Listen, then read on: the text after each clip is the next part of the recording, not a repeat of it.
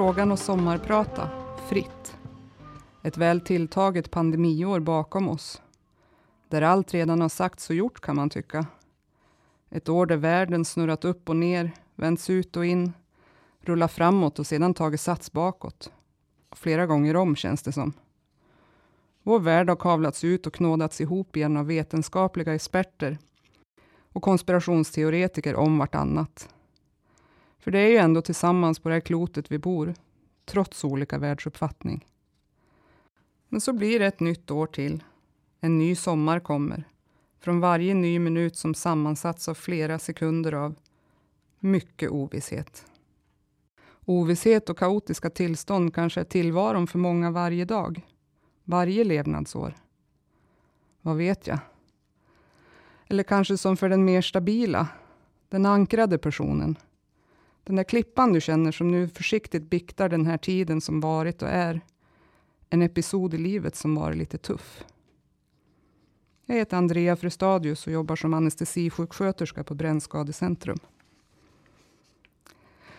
Jag kände viss tveksamhet innan och jag har klurat och kliat huvudet massor i privilegierat illmareri innan jag nu påbörjar. Vad kan jag dela med mig av? Uppgiften var ju att berätta om vår framstående verksamhet från olika perspektiv. Både för kollegor på sjukhuset, men också för de som kanske vill lyssna in och inte alls jobbar inom sjukvården. Det finns ju så otroligt mycket att reflektera över. Men jag har ändå en önskan om att väga och välja orden för den som vill höra och inte slösa någons tid. Så till den det berör, om vi lägger covid åt sidan för en liten stund. Jag jobbar med brännskador och det är ett litet specialområde i svensk sjukvård. Lyckligtvis är svåra brännskador relativt få, men de kräver sin avancerade vård. Därför är den centraliserad till bara två universitetssjukhus i Sverige, där vi bedriver nationellt högspecialiserad vård. Det som tidigare har kallats för rikssjukvård. Så vem behöver den här specialiserade vården? Vi lever ju i ett land med alla tänkbara förutsättningar att förebygga alla typer av brännskador. Hit räknas flamskador, skållningsskador, elskador, kemskador, kylskador och så vidare. Vi har brandvarnare i våra hem, vältskydd och stänkskydd på spisar. Vi har regler för montering av elinstallationer i våra hus och noggranna säkerhetsåtgärder på byggarbetsplatser. TV går också ut i nyhetssändningar med brandriskfaror och när det är eldningsförbud när det är torrt ute i skog och mark. Men ändå så händer det. Människor drabbas av brännskador. Och vissa av våra patienter, de leker rent krasst med elden. Det går inte att uttrycka det på något annat sätt. De har bestämt sig. I alla fall just i den där sekunden. De ska hoppa häck över majbrasan. Eller klättra högt upp på tåg. Andra har liksom lite mer ordnade Svenssonliv med koka knäckinslag. Och det är ju rysligt ont när det hamnar mellan tårna. Det är så att säga de oförutsägbara olyckshändelserna i hemmen. De stora arbetsplatsolyckorna de hamnar hos oss eller i Linköping som vi delar brännskadevården med. Det är allt ifrån pelletsbrännare som exploderar, kalkugnar som felar och det väller ut het massa likt lava över kroppen. Där är olyckor med egentlig dödlig utgång. Patienter som vi med alla tänkbara medel tar tillbaka till livet. Vi möter patienter med självskadebeteenden. Där just den människans ångesthantering uttrycks genom att hålla olika heta föremål mot kroppen. Vi möter många barn och de är på tok för små för att dricka kaffe eller te och de sitter ju inte alltid så där snällt bredvid. Deras små armar och ben räcker sig fort. Det tar bara en sekund av ouppmärksamhet så är skållningsskadan skedd. Det där heta kaffet det hamnar oftast i ansiktet, på armar och på bålen. Och det är så fruktansvärt jobbigt för barnet och föräldern. Men det är så onödigt framför allt. Vi jobbar en del med att nå ut och informera i förebyggande syfte. Det är en viktig del vi har på Brännskadecentrum. Återkommande har vi varit på IKEA, men vi försöker att synas i andra sammanhang också. För det här är viktigt.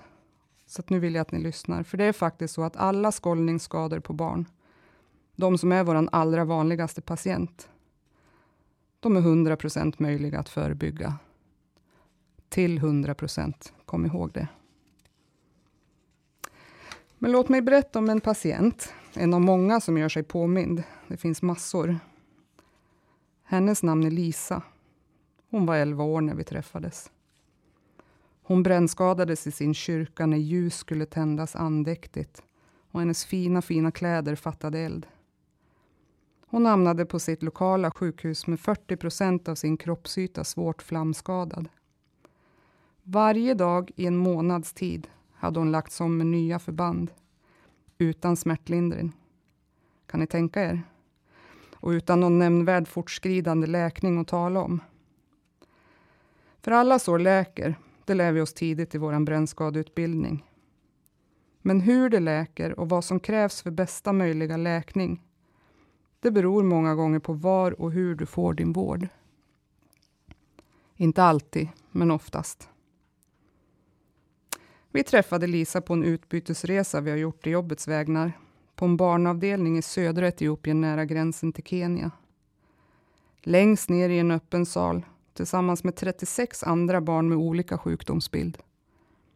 Undernäring, malaria, lunginflammation och andra otänkbara trauman för oss. Hon satt på en sliten trästol, insvept i vitt tyg. Rakryggad och såg nästan ut som en helig person. Inte helt olika Amanda Gorman. Blicken, ja den var storögt frågande men allvarlig och tålmodigt inlyssnande för våra frågor som ställdes. Vi var en grupp svenska specialistsjuksköterskor inom intensiv operationsvård tillsammans med plastikkirurger som en del av det erfarenhetsutbyte vi hittills gjort två gånger per år. Vi visste att det skulle finnas brännskadepatienter att operera på. Det gör det alltid, undangömda någonstans. Ingen vill liksom riktigt ta itu med det. Men man vet aldrig vad eller hur exakt det här kommer att gå till förrän man ställs inför uppgiften och vet under vilka förhållanden och förutsättningar som gäller. Flickan var inte helt oväntat undernärd. Och det är svårt att läka vilken skada som helst med undermålig nutrition. En brännskada i sig kostar mycket energi. Men det finns sällan skådad livskraft i barn. Det finns också gränser för vad som är möjligt att genomföra rent kirurgiskt, även om experter finns. Om inte de basala och omvårdnadsmässiga förutsättningarna är i sin ordning. För att inte nämna det ekonomiska dilemmat familjen redan drabbats av av långvarig sjukhusvistelse.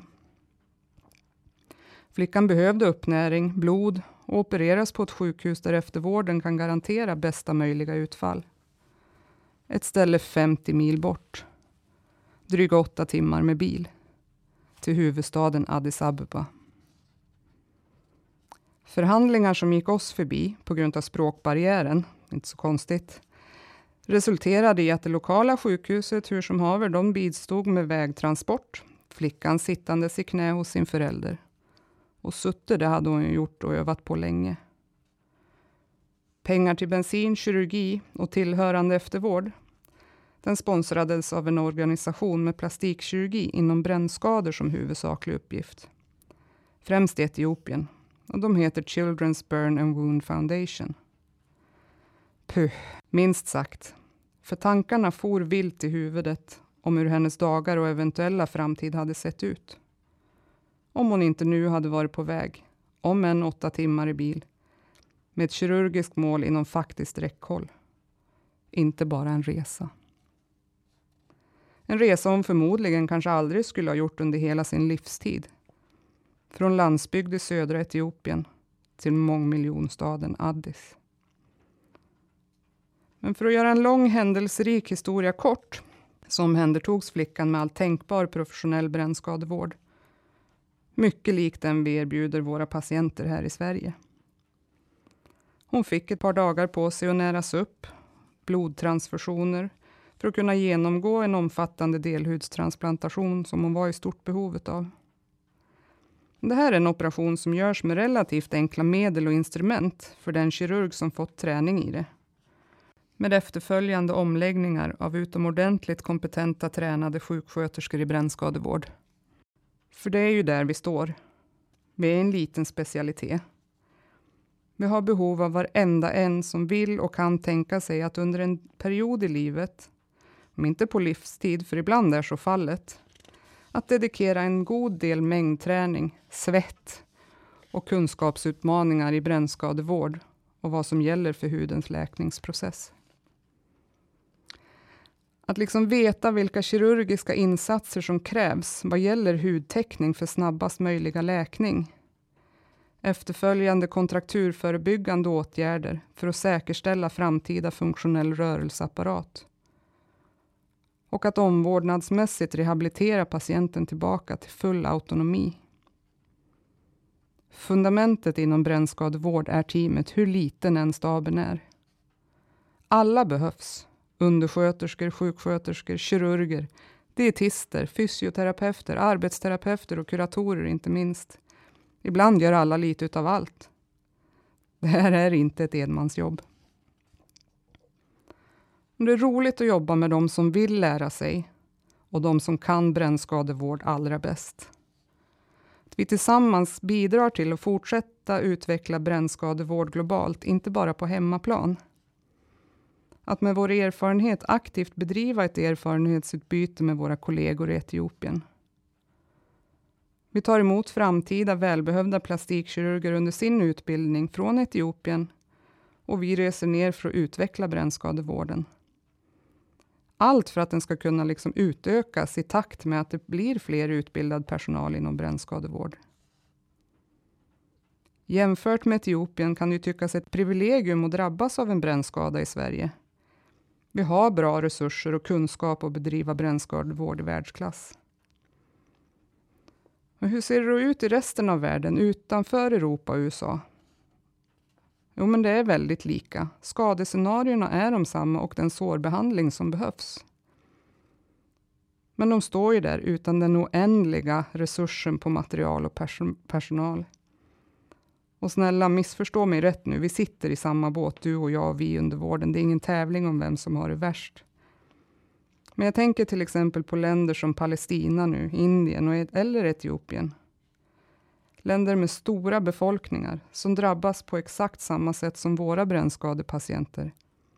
Fast tusenfalt fler brännskadade varje dag. Utan nationell högspecialiserad brännskadevård. Ja, hur skulle jag då inte kunna vara stolt över att jobba inom en verksamhet som möjliggör att bygga framtida brännskadevårdsinrättningar från gräsrotsnivå till att faktiskt bedriva extensiv tidig kirurgisk åtgärd. Med ett retroperspektiv på vår nuvarande specialitet firade Brännskadecentrum 50 år på Akademiska för ett litet antal år sedan. Och vi tar emot cirka 250 patienter på ett år. Och Akademiska rankas ju som ett av världens 50 bästa sjukhus.